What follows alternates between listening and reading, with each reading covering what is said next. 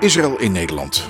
Dit is de podcast van de ambassade van Israël die wij wekelijks in het weekend uploaden op ons Soundcloud-kanaal. In de podcast is er aandacht voor het grote verhaal van Israël, maar ook oog voor detail. Gesprekken met diplomaten en met gewone burgers. Joodse feesten, innovatie en toerisme. Ieder weekend dus de stem van Israël in Nederland. Van harte welkom bij deze aflevering van Israël in Nederland, de podcast van de ambassade van Israël in Den Haag. Mijn naam is André Diepenbroek en ik ben uw gastheer. In onze uitzendingen besteden we aandacht aan de volle breedte van onderwerpen die met Israël te maken hebben. Joodse feesten, muziek, cultuur, nieuws en achtergronden, geschiedenis.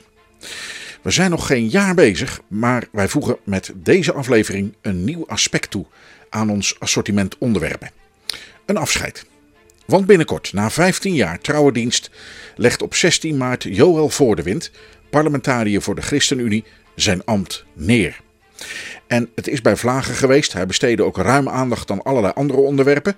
Maar met grote regelmaat stond hij op de bres voor het belang van Israël.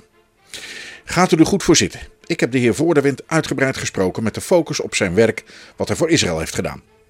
Waarom hij dat deed. En hoe hij bereikte wat hij wilde bereiken. En ook, hoe kan het ook anders, praten we over wat niet is gelukt. Wat beter had gekund. De dingen waarover hij bezorgd is. Maar toch, de bottomline van deze christelijke politicus is toch een optimistische. In alles is hij zijn geloof niet kwijtgeraakt. Een geloof wat alles te maken heeft met de Bijbel en met de God van Israël. En daarna, als voor de wind op zijn eigen manier Israël het beste heeft toegewenst, richten we onze aandacht op het praktische onderwerp van International Women's Day. Want dat is het namelijk aanstaande maandag. Is die dag belangrijk voor Israël? En voor ambassadeur Gilon? U hoort het allemaal aan het einde van de uitzending.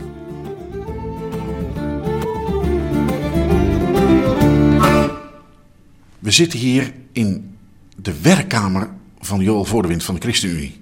Dat is nog de werkkamer, geloof ik, meneer Voordewind. Maar dat is niet lang meer, hè? Nog wel. En als je goed rondkijkt, dan zie je olijfolie van de Golan. En ik had hier altijd een fles wijn en die wilde ik altijd nog aan Sjoerdsma geven, mijn collega van D66. Maar dat is me tot nu toe nog niet gelukt. Die kwam ook uit Samaria in Judea. Maar uh, fantastische wijn. Wat, ja, zou die, wat zou hij ermee doen? Zou hij het gaan opdrinken? Ik denk dat hij het principieel niet durft. Ik denk dat hij bang is dat hij beïnvloed wordt door Israël op die manier. Ja, het, het, zou, het zou wel een goede daad zijn voor hem als hij, als hij, dat, als hij zichzelf kan overstijgen daarmee.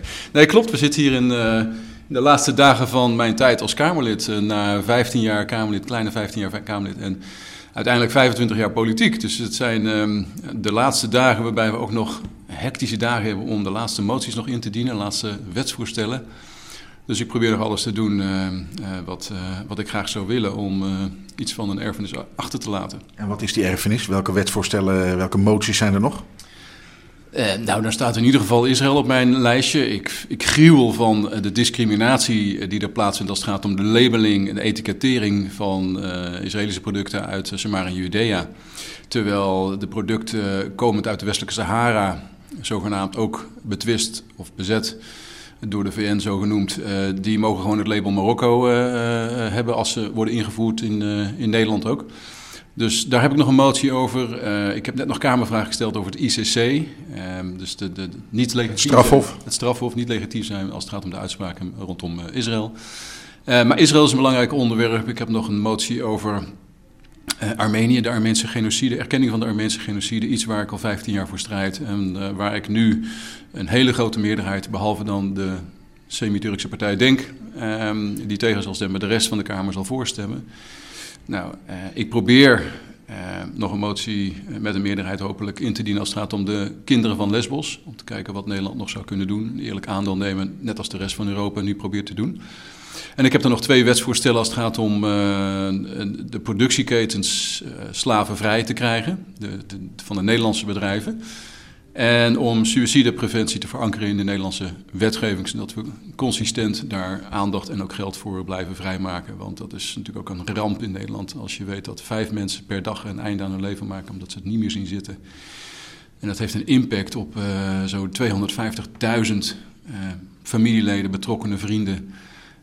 ja, dat, dat, is twee, drie keer zoveel als de verkeersslachtoffers bijvoorbeeld. En dat, heeft een enorm, dat, dat, dat slaat een enorm gat in, in de levens van mensen.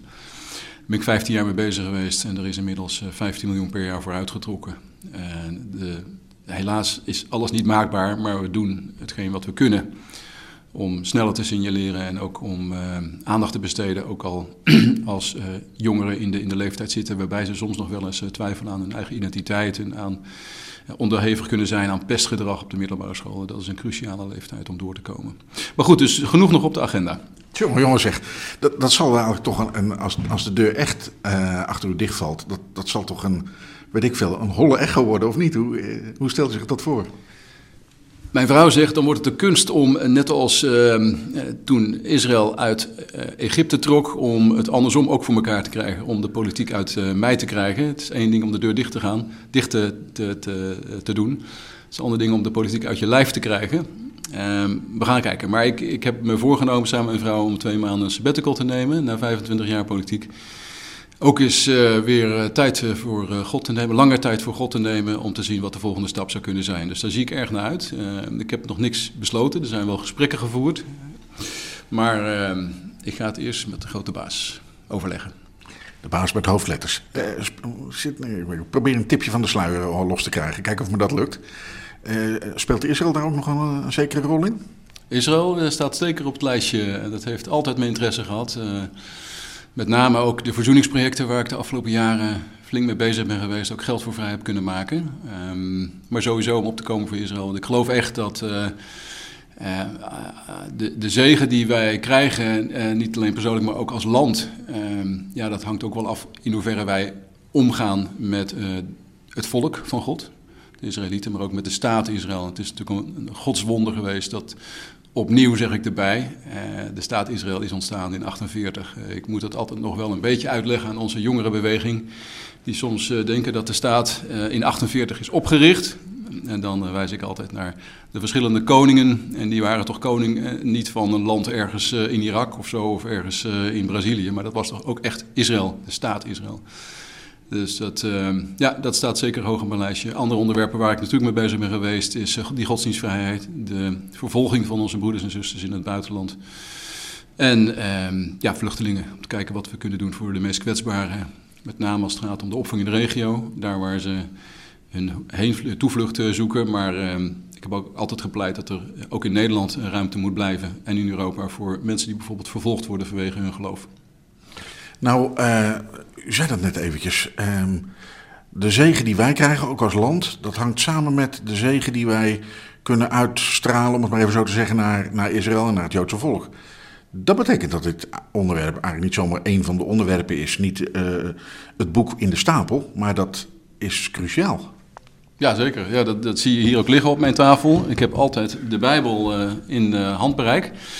Nee, ik, ik geloof dat echt dat ehm, en, daarom zie je het ook terug bijvoorbeeld in het regeerakkoord, dat Israël daar ook een bepaalde plek heeft gehad om uh, de staat Israël te erkennen, veilige en erkende grenzen.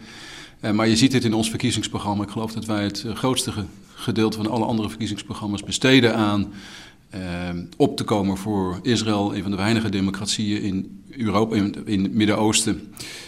maar bovenal de enige veilige toevluchtsoord voor het Joodse volk na eeuwenlang vervolgd te zijn, ook in Europa en alles wat er in de Tweede Wereldoorlog uh, gebeurd is. Maar bovenal uh, voelen we ons als ChristenUnie verbonden met het Joodse volk. Het volk waar onze Heer en Heiland uit voort is gekomen. Uh, die verwevenheid en die betrokkenheid, die zie je ook terug in onze tekst, in ons verkiezingsprogramma. u kwam de politiek in in 2006, dat is een hele tijd geleden. Is er nou in de achterban van de ChristenUnie, of bij de ChristenUnie, nou ja, laat ik zeggen, de, de christelijke achterban in den breedte ehm, toch het, laat ik zeggen, het electoraat waar jullie uh, primair op richten. Is daar nog een verschuiving merkbaar geweest ten aanzien van Israël? Is de mening ten aanzien van Israël veranderd? Of wat zijn de ontwikkelingen die u, u hebt gezien? Want u geeft net al een klein beetje aan, de jongerenbeweging moet ik nog alles wat uitleggen. Ja, ik heb mij eh, in die tijd toen wel voorgenomen om de voorzitter van de jongerenbeweging perspectief eh, mee te nemen naar, naar Israël op werkbezoek. Om gewoon de nuances en de complexiteit van het land En ook de directe gevaren waar ze mee te maken hebben, als je het in de breedte bekijkt, in het noorden, Golan, Syrië, ehm, Libanon, de raketten van de Hezbollah, vanuit de Gaza, de raketten van de Hamas. En dan nog een keer de interne dreigingen die er ook zijn in Samaria en Judea. Eh, dus dan word je volledig omgeven door allerlei bedreigingen. En ik, het is wel goed dat, eh, dat ik dan die jongeren meeneem en ik ze ook op de Golanhoogte laat staan.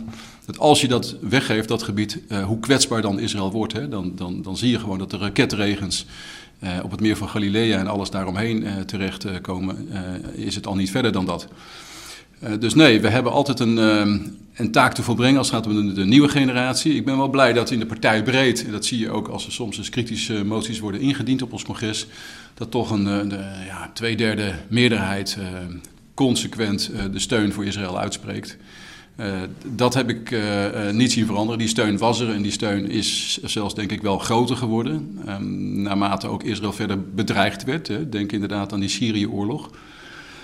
Iran blijft natuurlijk altijd een bedreiging voor Israël. Uh, wij waren ook geen voorstander van de nucleaire deal. En ik hoop echt dat Amerika niet zomaar weer die deal gaat opstarten, maar dat ze de, de, de ballistische raketten, raketprogramma in ieder geval zullen integreren en een beter toezicht zal, zullen bepleiten bij de Iran-deal, als die er al moet komen. Maar ehm, nee, je, ziet in onze partij breed een grote steun. En ik hoop en ik zal proberen ook in de toekomst, als ik hier niet meer zit, maar daar wel een aandeel in te blijven houden om die steun eh, op peil eh, te houden. Is het iets wat bij de jongeren, uh, we hadden het over de kritische moties, uh, is dat, is, ligt het daar anders of ligt dat überhaupt anders? Niet alleen bij de, bij de jongerenbeweging van de ChristenUnie, maar misschien wel bij de jongeren in het algemeen in Nederland. Is daar misschien een verschuiving? Ja, je ziet eigenlijk een, een kentering uh, vanuit de jaren 70 waar heel Nederland uh, met Den L voorop, Partij van de Arbeid toen, uh, steun uitsprak toen Israël bedreigd werd. In de jaren 60, de jaren 70, de oorlogen.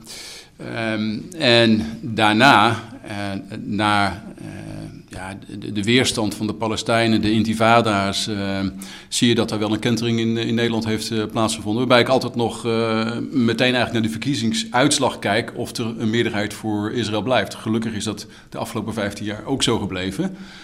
Maar ja, je ziet de kritische geluiden in Nederland wel toenemen. En niet in de laatste plaats ook door de liberale Joden die ons constant ook wel bevragen op de houding van Israël met betrekking tot de Palestijnen, met name als het gaat bijvoorbeeld om uh, de detentie van uh, minderjarige Palestijnse jongeren.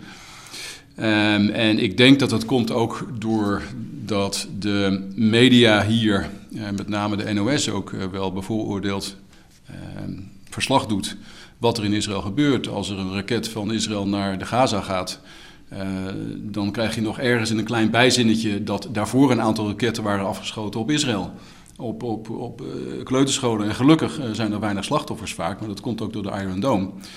Maar uh, ja, die berichtgeving hier, die beïnvloedt met name denk ik ook de jongere generatie.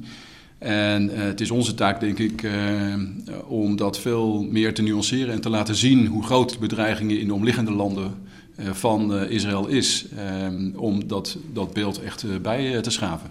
Echt een andere wereld, hè? U heeft het eerst over Den Uil, die de hele boel op sleeptouw nam. En als we dan nu kijken naar de wereld nu. Ja, ja, je ziet dat in het parlement het ook uh, verschoven is. Daar waar we eigenlijk als heel parlement in de jaren 70, uh, eh, begin jaren 80 misschien nog wel, uh, achter Israël stonden. En, en, en we waren met Israël bang voor alle grote bedreigingen die Israël troffen. en je ziet nu dat dat is gaan kantelen, althans bij de linkse partijen. Uh, maar gelukkig nogmaals hebben we een rechtse meerderheid met de ChristenUnie en de SGP en de, de PVV en het CDA uh, eh, die Israël blijven steunen. En ik hoop ook echt dat het na de verkiezingen hetzelfde zal blijven. Is dat ook, nou ja, is, is, is de, de steun voor Israël daarmee een rechts-item geworden? Iets van de VVD, de PVV, de, nou, de partijen die u net noemt? Nou, het zijn de partijen die denk ik goed doorhebben dat uh, de bedreigingen die Israël meemaakt. Uh, dus dat zijn de realistische partijen die, die opkomen voor Israël als enige democratisch land in het Midden-Oosten. Als, als voor, voor de Joden. Als wij hier met z'n allen vinden dat het antisemitisme echt niet kan. en het hier willen bestrijden, dan moeten we ook altijd opkomen voor Israël als veilig heenkomen uh, voor het Joodse volk. Het is triest uh, dat het gebeurt. We weten dat uit Frankrijk duizenden Joden vertrekken naar Israël. Voor een deel is dat alia, omdat ze gewoon graag optrekken naar het beloofde land. Maar voor een deel, met name in Frankrijk, komt het door het opkomend antisemitisme. En we hebben hier als ChristenUnie samen met de VVD een hele nota geschreven om dat eh, met alle middelen en alle kracht te bestrijden en zelfs als strafverzwarend eh, in de wet op te nemen als er antisemitisme is en uitspraken gedaan worden. Is er wat dat betreft iets veranderd in die 15 jaar dat u eh, op het Binnenhof was?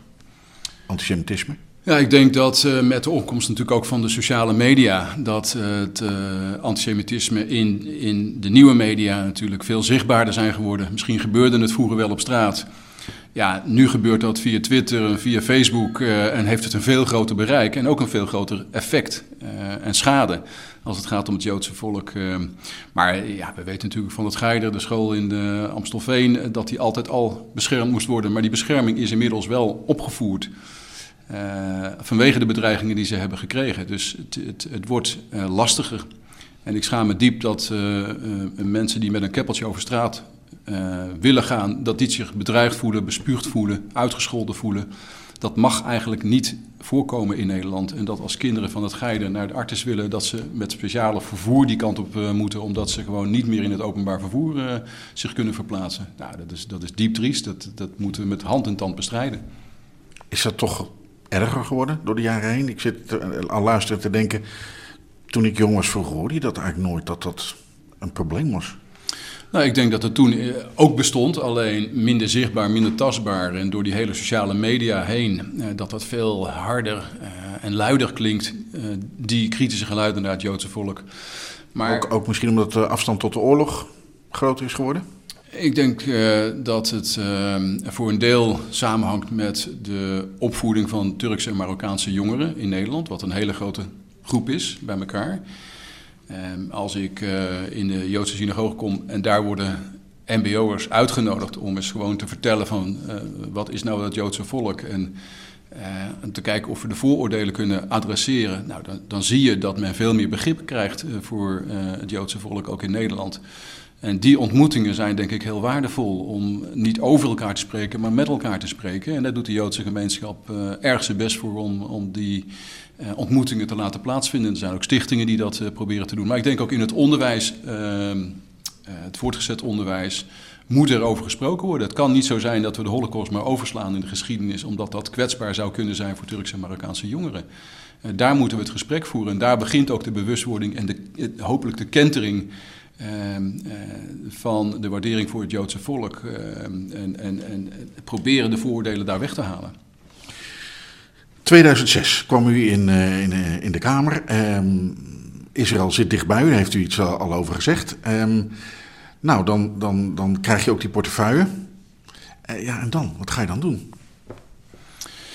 Ja, dan ga je eens op een rijtje zetten wat we zouden kunnen doen. Ik, ik ben altijd geïnteresseerd geweest in Israël. Daarvoor ook um, nou, minimaal elk jaar naar Israël gereisd. me verdiept in de, in de verschillende denkrichtingen, politieke stromingen, maar ook theologische stromingen die er waren. Uh, maar ook het conflict met de Palestijnen. Uh, was toen ook al geïnteresseerd in de verzoeningsprojecten, met name die onder de radar plaatsvonden. Want dat, dat zijn er nogal wat. We horen er weinig over. Zelfs als je het hier aan het ministerie van Buitenlandse Zaken vraagt, geven ze je maar publiekelijk een paar projecten die ze steunen. Maar meer dan de helft van de projecten die ze steunen, kunnen ze niet in het openbaar bekendmaken, omdat dat een bedreiging zou betekenen voor met name de Palestijnen. Uh, ik vind het ook moedig als Palestijnen deelnemen aan dat soort uh, projecten. Want uh, ze kunnen wel degelijk bedreigd worden of ontslagen worden of, of ja, zelfs gemarteld worden als ze gesnapt worden dat ze samenwerken met, met de Joden. Dus nee, daar, daar heb ik mijn hoop nog wel op gesteld. Hoewel we weten dat pas als Christus terugkomt de werkelijke verzoening zal plaatsvinden. Maar ehm, ja, ik heb me daar altijd wel voor ingezet. Um, dat zijn niet de grote projecten, laat ik zeggen, van het steunen van uh, uh, de UNRWA, de, de, Palestijnse uh, Organisatie voor Vluchtelingen. ook niet zozeer de geldstromen naar de Palestijnse autoriteit, maar heel bewust zijn het kleinschalige projecten, onder de radar zegt u, van gewoon burgers onderling. Waarom kiest u voor die benadering liever? Nou, die andere uh, onderwerpen heb ik hier natuurlijk ook in de Kamer gehad. Hè, als het gaat om uh, het illegaal labelen en discriminerend labelen van producten uit de westelijke, uit, uit Samaria en Judea in vergelijking met de westelijke Sahara. Um, ja, we, hebben hier een motie uiteindelijk ingediend om de directe betaling aan de Palestijnse autoriteit te stoppen omdat de Palestijnse autoriteit maar doorging met het betalen van die bonussen, die perverse bonussen aan veroordeelde Palestijnse terroristen. Dus ook op dat gebied eh, ben ik eh, wel bezig geweest. Maar ik vond het ook tegelijkertijd mooi om te zien wat er onder de radar gebeurde. En dan heb je het met name over om te kijken of je ook daar, we hadden het net over de jongeren in Nederland, maar ook daar uh, de, nieuwe generatie, die eigenlijk nog steeds gesegregeerd, dus gescheiden van elkaar opgroeien, om te kijken of daar dwarsverbanden te maken vallen. Uh, en dan heb je het over onderwijs. En, uh, er zijn een aantal scholen die uh, zowel Arabische als uh, Israëlische leerlingen bij elkaar lesgeven. Er zijn scholen die weliswaar gescheiden zijn, maar waar ze gemeenschappelijke Engelse les of computerles krijgen. Ja, het doorbreken van de vooroordelen ook daar tussen de groepen. Ik denk dat dat het fundament is wat, wat je nodig hebt om uiteindelijk een nieuwe generatie te laten opstaan. En te, en te laten zeggen van, maar nu moet het eens een keer klaar zijn. Hè? We, we, we kunnen niet uh, met, met zo'n agressie en geweld en vooroordelen naast elkaar leven. Er zijn honderdduizenden werknemers die elke dag in Israël komen om daar uh, aan de slag te gaan. nou, er zijn anderhalf miljoen Arabieren die leven in Israël, maar vaak toch weer gesegregeerd, gescheiden. Andere dorpen, andere scholen. Ehm, ik denk dat als je werkelijk mensen uh, de vooroordelen wil laten weg, zou er veel meer integratie moeten komen van, uh, zonder dat het afbreuk doet aan de cultuur en de geschiedenis en de religie, maar wel veel meer mensen in contact laten komen met elkaar. Vandaar, vandaar mijn drijfveer om te kijken wat we daaraan zouden kunnen doen. En daar gebeurt best een hele hoop op dat meso-niveau, dat middenniveau. Daar gebeurt een hele hoop. Laten we eens even kijken. Welk project uh, gaat u aan, als u ze ooit uh, mag kleinkinderen vertellen? Welk ding dat u zegt van, ja, dat heeft echt mijn hart geweldig dat me dat gelukt is. Nou, ik heb een tijd opgetrokken en heb steeds goede contacten met Tassada. Dat, uh, dat is zo'n wonderbaarlijk verhaal waar, waar, waar, God ingrijpt in zijn leven en hem uh, tot een levend geloof laat komen. In Wat is dat voor iemand? Ja, het was een, een bodyguard en een sluipschutter in dienst van Yasser Arafat. Hij was ook bodyguard van Yasser Arafat. En hij, het, het, het, het ja, met schaamte zegt hij dat hij mensen heeft omgebracht als sluipschutter. En tegelijkertijd is hij op een wonderbaarlijke manier tot geloof gekomen. Daar waar hij de Joden haatte, erkent hij nu uh, de geschiedenis en de weg die God heeft gegaan. Uh, is gegaan met het Joodse volk. Maar dan heeft die man een enorm probleem op dat moment als hij dat besluit. Uh, dat heeft hij ook. En hij is ook door de Palestijnen uit de Gaza gegooid. dus hij, heeft, hij kent bedreigingen. Maar hij zegt, ja, wat ik heb gedaan, dat wil ik uh, ongedaan maken door Palestijnse jongeren nu, die ik eerst opleidde om scherpschutter te worden. Om ze nu in contact te brengen met uh, Israëlische jongeren, om te kijken wat we gezamenlijk kunnen doen. Uh, om de angst en de weerzin tegen het Joodse volk weg te nemen. En dat, en dat is zijn roeping nu geworden. En hij probeert nu een school op te richten waarbij hij de Palestijnse jongeren leert om om te gaan met het Joodse volk en wat het Joodse volk eigenlijk wel niet is. Um, dus dat, dat, is een hele mooie kentering, een heel mooi getuigenis van wat God kan doen in mensen. Uh, omdraaien van een moordenaar tot een vredestichter. Maar hoe kunt u vanaf de lange poten hier in Den Haag zo iemand helpen? Nou, dat is toch gedeeltelijk gelukt omdat ik zijn project uiteindelijk heb voorgelegd aan de Nederlandse ambassade. Zoals ik andere projecten heb voorgelegd uh, ook aan de Nederlandse ambassade. Die hebben uiteindelijk ook subsidie gekregen. Een ander project is bijvoorbeeld Allee, uh, wel bekend. Een, een project wat gehandicapte kinderen, zwaar gehandicapte kinderen helpt. Ongeacht ras, geloof, religie, et cetera. Uh, daar waar ook weer Druzen, Bedouinen, Ara Arabieren, maar ook uh, Israëli's gezamenlijk in revalidatiecentra ja, proberen te herstellen. En, en, en met, met gezamenlijk en, en gemixt personeel ook. Nou, die organisatie heeft ook subsidie gehad, bijvoorbeeld van de Nederlandse ambassade. Dus op die manier heb ik ze proberen te ondersteunen. Vijftien jaar verder zijn er ook dingen die net niet gelukt zijn. We gaan niet heel mies zitten kijken. u lacht er ook heel vriendelijk bij, dus wat dat betreft eh, gaan we dat ook niet doen. Maar wat is toch wel heel jammer dat, niet, dat u niet voor elkaar hebt gekregen? Nou, zoals we net vertelden, er zijn een aantal uh, goede dingen gebeurd. Uh, maar je krijgt natuurlijk niet alles voor elkaar.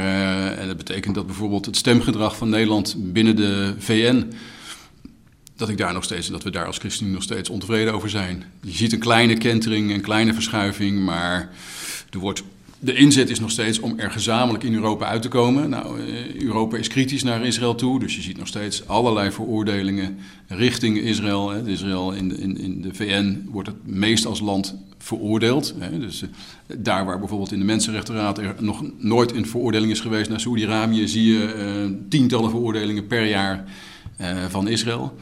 Nou, we hebben dat uh, tig keer aangekaart. Hier hebben we ook gezegd dat moet veranderen. Nou, we hebben in ieder geval uh, samen met Kees van der Staaij een motie ingediend. Die zegt van we willen dan het voorgenomen stemgedrag eerst hier in het parlement zien. Zodat we aan de, aan de bel kunnen trekken. Gebeurt dat ook? En dat gebeurt nu ook. We hebben onlangs een brief gehad met de voorgenomen uh, moties en het eventuele stemgedrag. En wat Nederland probeert te wijzigen aan de moties. Het is iets transparanter geworden, maar we moeten daar nog wel een hele slag maken. En dan wordt er vaak gezegd, ja, vroeger stemden we in zeven van de tien gevallen. En nu doen we dat in vijf. Dat is toch heel aardig? Wat zegt u dan? Ja, maar nog vind ik elke veroordeling van Israël. Uh, bedoel, ze, kunnen best een fout maken en daar moeten we elkaar ook op kunnen aanspreken. Maar uh, je moet alles wel bezien in de context, in, in de agressieve en, en de aanvallende positie waar de, de, de, de, agressieve houding van de buurlanden en de regio waar Israël in zit. Als je dat niet meerekent. Als je bijvoorbeeld al, uh, als er een raket van België op Nederland zou, dan zou Nederland te klein zijn. Hè? Wij zouden steun gaan vragen aan de hele wereld om ons te beschermen tegen België. Nou, dit is iets wat, wat, wat een realiteit is, bijna wekelijks in Israël. En, en het enige wat de internationale gemeenschap doet, althans de VN-instellingen, is Israël veroordelen. In welke context? Hè? Bedoel, zijn ze dan helemaal los van de, van de werkelijkheid die daar gaande is en de bedreigingen die daar gaande zijn? Ja, geeft u het antwoord eens. Wat zit daarachter dan? Gewoon een diepe haat. Uh, maar ook, uh, een VN is natuurlijk een, een, wereldgemeenschap. En je ziet gewoon simpelweg, als je daar de stemmen bij elkaar optelt van de niet gebonden landen en de islamitische landen, uh, halen ze altijd de meerderheid. En Israël, zelfs met zijn vrienden, die niet, niet zoveel meer zijn, ja, kunnen daar geen, geen wal tegen oprichten. dus het, het, is constant raak. En ja, af en toe kunnen wij nog wel eens tegenstemmen. Ik hoop dat dat meer gebeurt, maar dat wil nog niet zeggen dat dan die stemming niet uh, ten nadele uitvalt van, van Israël. Dus ook daar uh, denk ik dat we helaas de VN zichzelf ongeloofwaardig maakt door dit soort eenzijdige stemverhoudingen. En nog, nog, uh, ook nog eens even, u, bent natuurlijk vertegenwoordiger van de kleinste regeringspartij. Misschien zitten andere regeringspartijen er ook wel helemaal niet op te wachten op diepgaand ander stemgedrag. Of misschien het ministerie van Buitenlandse Zaken helemaal niet. Nee, dat is natuurlijk altijd laveren als je in een coalitie zit. D66 uh, vindt het misschien nog niet genoeg. Uh, die had toen wij aan de onderhandelingstafel zaten gepleit om de Palestijnse autoriteit of de Palestijnse staat in één keer eenzijdig te erkennen. Nou, gelukkig zijn we daaruit gekomen. En moet dat een uitkomst zijn van een onderhandelingsproces? nou, gelukkig vonden we daar de andere partijen aan onze zijde. Maar nee, ik hou mijn hart wel vast als, als nou, een partij als de ChristenUnie niet de volgende keer uh, aan de onderhandelingstafel zit. Wat er dan met de positie van Israël gebeurt en ons buitenlands beleid ten aanzien van Israël. U noemde de islamitische landen net. Daar is wel iets gebeurd, hè? In, uh, en nog, als we kijken naar die 15 jaar, dat, dat moest u, daar moest u 14 jaar op wachten, zowat. En toen gebeurde de Abraham-akkoorden. Ja, dat is natuurlijk wel, als je het op uh, regionaal niveau bekijkt, dan zijn er mooie dingen gaande. En uh, ja, alle ogen waren natuurlijk gericht op de Palestijnse autoriteit. Wat gebeurt er daarmee? Maar je ziet dat uh, die houding niet meer heel relevant is nu dat we zien dat Israël akkoorden sluit met Arabische landen. Je noemt het inmiddels met uh, met uh, Marokko, mogelijk met Mauritanië, met de Verenigde Arabische Emiraten, met Bahrein. Nou, dat zijn echt enorme doorbraken. Dat, dat, dat, dat hadden we niet voor mogelijk gehouden een aantal jaar geleden. En ja, we hopen natuurlijk dat daar straks het is niet een land naar mijn hart, maar dat er wel Saudi-Arabië bij komt. En, en dat uh, de Arabische landen hun weerzin en hun antipathie tegen Israël uh, gaan afleggen. En uh, Israël zien als een, als een volwaardige staat waarmee je handel kan drijven, waarmee je betrekkingen kan onderhouden. zodat dat isolement van Israël straks volledig doorbroken wordt in het Midden-Oosten. Nou zijn wij allebei nog van de generatie van de, de lijstjes jaartallen. Uh, rond Israël. 1948 is al gevallen. Uh, de oorlogen, waarvan 1967 natuurlijk altijd een hele, uh, nou laat ik zeggen, een, hoe zeg je dat, een, een enorm belangrijk markeringspunt in de geschiedenis is geworden. Is 2020 er ook dan toch zo eentje? En hebben we dat zomaar ineens meegemaakt? Ik denk dat, dat de, de kentering die nu ontstaat uh, bij de Arabische landen, ik, ik, ik denk dat dat heel historisch is wat er gebeurt. Hè. Je ziet echt een veranderende houding van de Arabische staten. Uh, we hadden het net even over labeling van producten. Nou, ik weet dat Bahrein op dit moment de producten uit Israël expliciet labelt als zijnde Israëlische producten, omdat ze dan goed verkopen. Dus je ziet daar een hele andere tendens, waar, waar, wij misschien inmiddels achterlopen. Zeggen zij, we zijn trots op de producten die we hier op de markt kunnen brengen, want we weten dat dat ze van goede kwaliteit eh, zijn. Uh, dus ja, ik hoop dat dat uh, niet hierbij blijft, maar dat er een bredere opening naar Israël toe komt. Want het is heel hard nodig. Ook als je kijkt naar het gevaar wat er nog steeds vanuit Syrië, vanuit de Hamas en, en, en vanuit de Hezbollah, maar ook vanuit ja, andere omliggende bedreigingen, Iran heb ik al genoemd, komt. Dus ze hebben wel degelijk partners nodig, laat ik het maar niet zozeer hechte vriendschappen, maar in ieder geval partners nodig in het Midden-Oosten die uh, hun uh, kunnen helpen in hun verdediging ten opzichte van de gevaren die ze, die ze meemaken.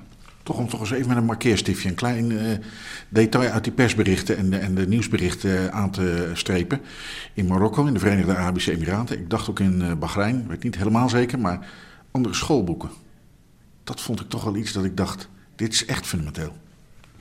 Ja, zeker. Want als we veranderingen in die schoolboeken krijgen, eh, en daar pleiten we natuurlijk al jaren voor bij UNRWA, de, de Palestijnse eh, steunorganisatie vanuit de VN, dat ook daar de schoolboeken veranderen en dat de, de, de weerzin ten opzichte van het eh, Joodse volk, de Israëliërs, dat die daar ook worden weggehaald. En zelfs de geschiedvervalsing eh, die daar nog steeds uh, in die boeken staan, dat die veranderen moet. Want nogmaals, je moet het echt van die nieuwe generatie hebben. Die moeten niet steeds vergiftigd worden met valse informatie, met vooroordelen ten opzichte van het Joodse volk. Dus onderwijs is enorm belangrijk, zowel in de Arabische landen, maar ook dus van de Palestijnse uh, kinderen en hun onderwijs daar. U hebt nu nog een drukke dag. Uh, daardoor moeten we ook verder. Uh, maar ik geef u nog één keer, uh, ik heb het niet bij me, maar een virtueel veilingkistje draai ik om. U gaat erop staan en u mag nog één keer iets zeggen over Israël. Ga uw gang. Ja, uh, Israël is uh, een enorm indrukwekkend land, vind ik, waar zoveel culturen bij elkaar komen, maar waar vooral voor mij uh, de voetstappen zijn gezet door mijn verlosser en heiland Jezus Christus. Mijn geloof komt voort uit een Joodse, de zoon van God, een Joodse man. En om daar te lopen en om daar te zijn, dat is echt voor mij een thuiskomen. Als ik zie de naambordjes van de verschillende dorpen en steden, Bethlehem, Jeruzalem, uh, Nazareth. Ja, dan lijkt het of dat je gewoon door die oude geschiedenis met Jezus heen wandelt. En dan daar die Bijbelteksten erbij te houden. En dan te zien dat die beloftes van, naar Israël toe, dat die niet eindig waren, maar dat die nog steeds geldig zijn. Dat God zijn volk trouw zal blijven en dat God zijn volk als een lichtend voorbeeld zal blijven stellen. Straks ook als Jezus terugkomt uh, op die, uh, op die olijfberg, dan mogen we hem ontmoeten. En ja, daar zie ik naar uit. En om daar een beetje um, in mee te leven, een beetje in, van mee te krijgen, ja, dat, dat, dat boeit me enorm. En ik hoop dat ik dat straks ook na deze politieke tijd ook weer kan gaan doen.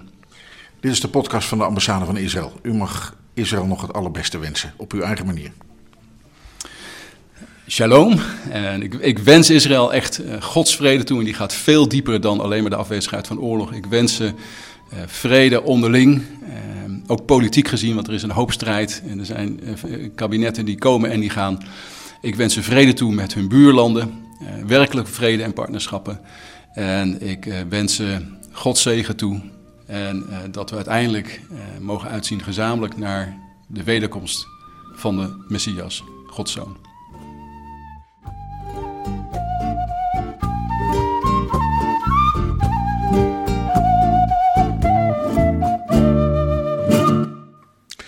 Het afscheid van Kamerlid Joel Voordewind van de ChristenUnie. Vijftien jaar lang heeft hij, naast veel andere dingen, het belang van Israël op het oog gehad.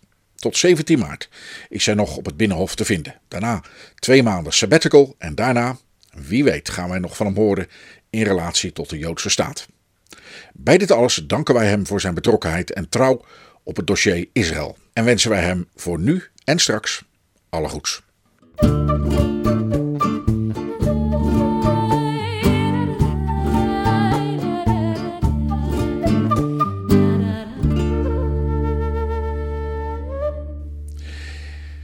International Women's Day aanstaande maandag. Nu is het zo dat zowat elke dag in het jaar tegenwoordig iets bijzonders heeft.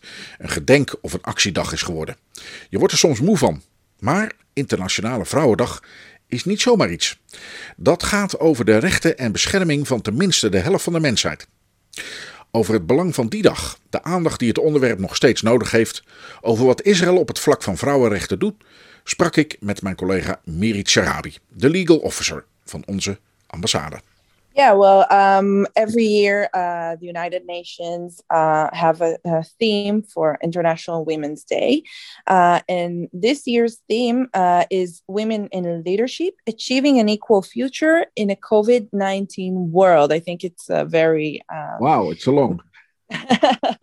yeah, it's long, but it's very current and very. Uh, uh, it's relating to our situation right now. And I think it's uh, very important to have an emphasis on this um, also during a crisis, also during this pandemic. Yeah. Um, so, yeah, and according uh, to um, the UN, uh, this past year has shown us that um, we need uh, the different experiences, uh, perspectives, and skills of women uh, to contribute to decision making and to policies and i think it's yeah it's a it's it's a very important uh, perspective uh, to have women uh, to add to the um, policies of states uh, during the uh, uh, covid-19 crisis and of course also to to lead the response of states. Yeah. Now mirit about women in leadership positions relating to the covid-19 pandemic Israel has a really uh, good and wonderful example, right? Yeah. Uh, so Dr. Sharon Elroy Price, uh, she's the head of the uh, public health services in the uh, health ministry of Israel. Uh, we can see her everywhere in Israel, in the newspapers and on TV. Um, she comes and explains the policies to the Israeli public and also uh, is part of the of shaping uh, the Israeli um, policy uh, and decision making to handle the corona situation right now. So yeah, I think we we have a great example, uh, and uh, of course, it is very very important to have women uh, in leadership also during crisis times is there anything like um, because she is like a doctor like a medical expert did she become like um, like a role model also like in a way that um, you know she became like the face of the government in this in this respect I think so. Uh, I, as I said, the Israeli public uh, sees her a lot uh, everywhere, and yeah, she, we can say she's she's uh, the face of the uh, um, Ministry of Health of Israel uh, yeah. during these times. And also, um, as we heard with the, uh, Captain uh, Valeria Plam uh, last week, yeah. Uh, we can see that there are a lot of um, Israeli women uh, that are handling this situation, um, and I think it's uh, it can inspire all of us. You said just a few moments ago that it's important to have women in leadership positions. Why do you think that's important?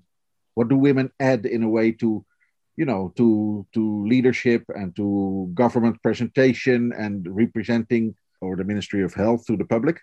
Yeah well of course whenever a decision affects women yeah. women should take part of shaping that decision. It's a very logical and very natural uh, thing to to to to say to think about.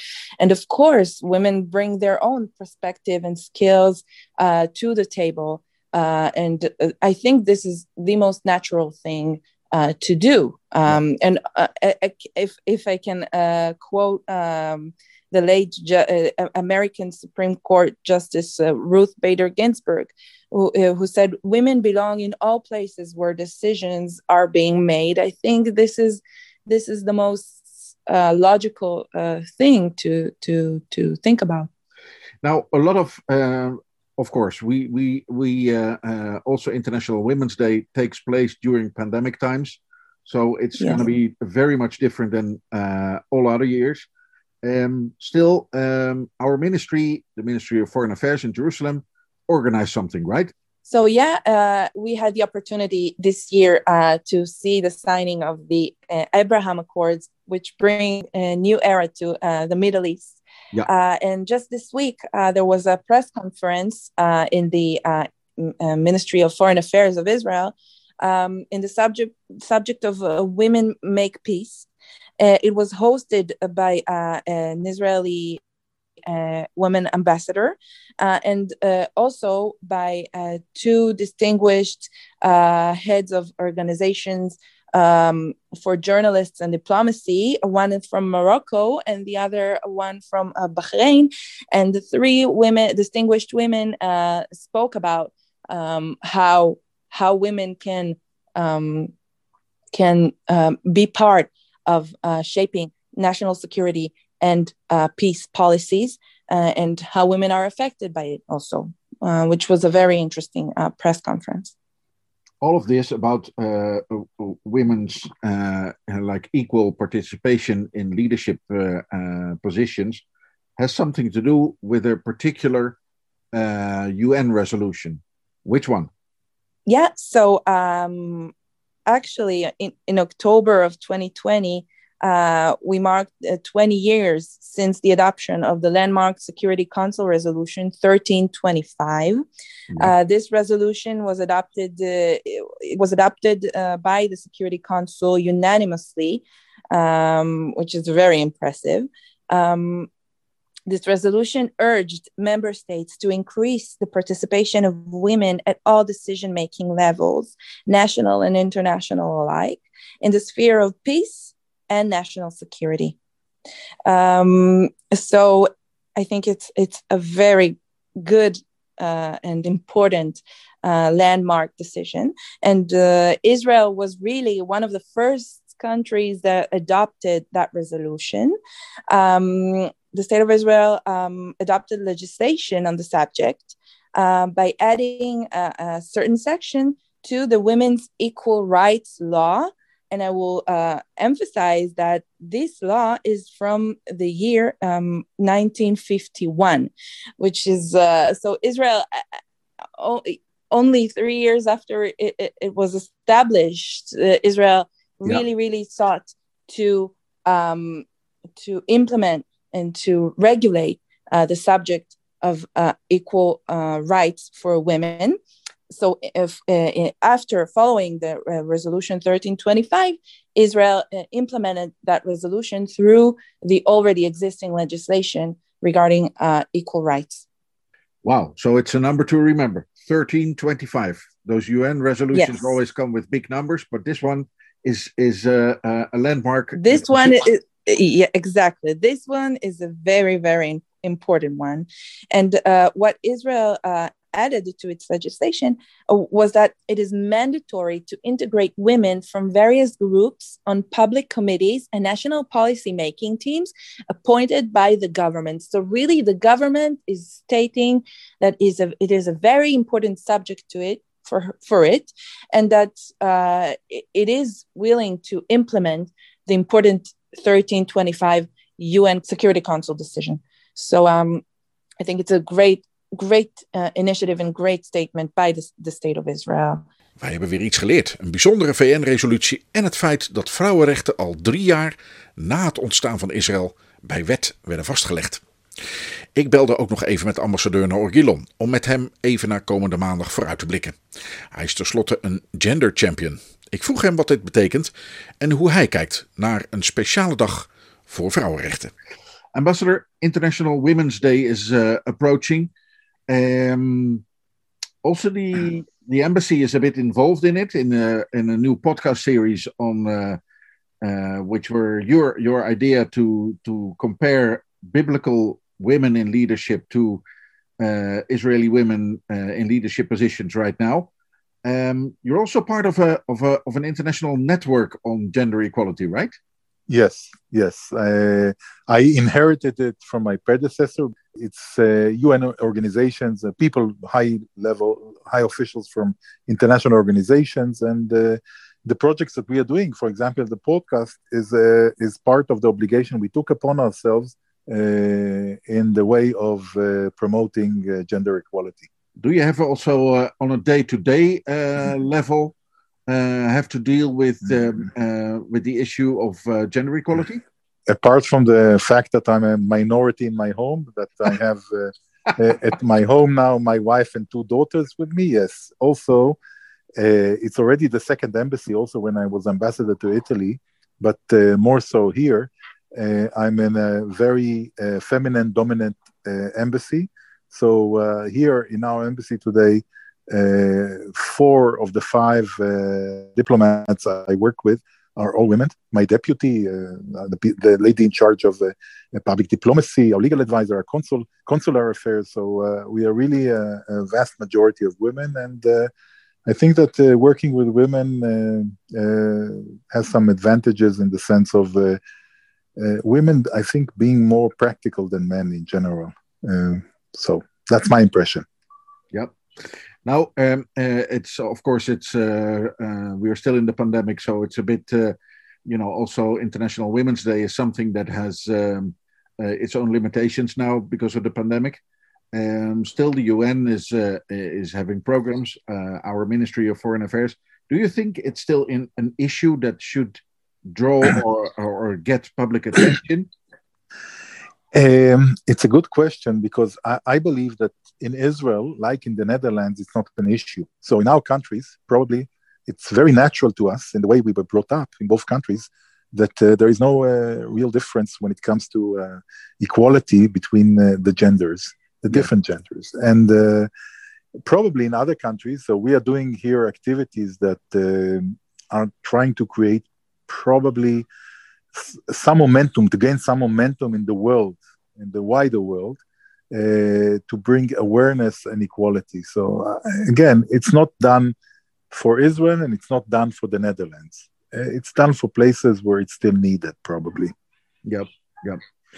Um, if you look to Israel, is uh, your country uh, something to be proud on in this field? that you have particular examples that you think of, like uh, well, Israel is doing a good job in this field?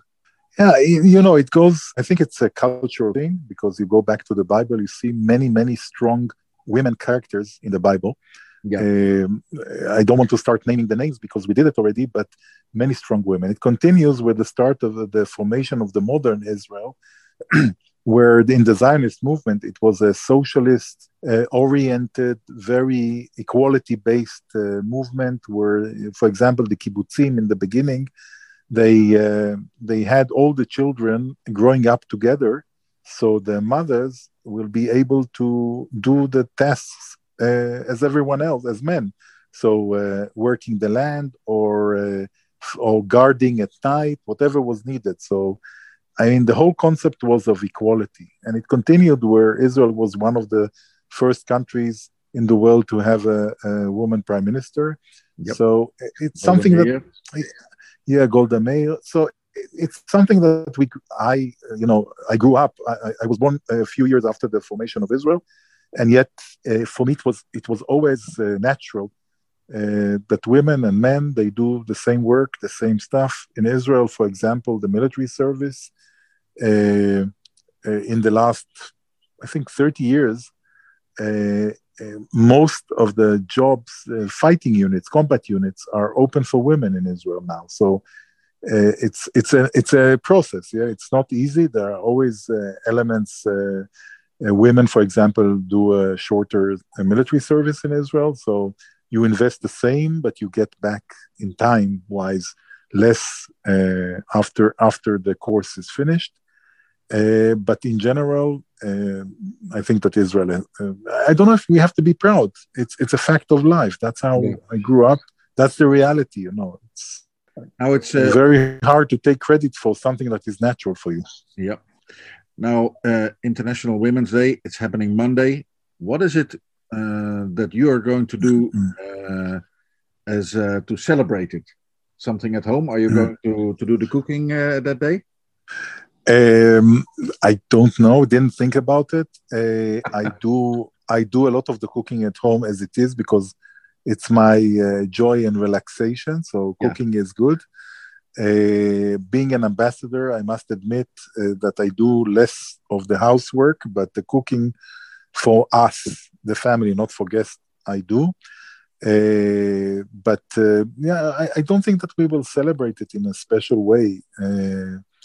Uh, for us, really, it's it's a reality. It's natural. I mean, what we what we celebrate is Family Day. Sometimes, for me, I will. I, I, don't see a set, special celebration.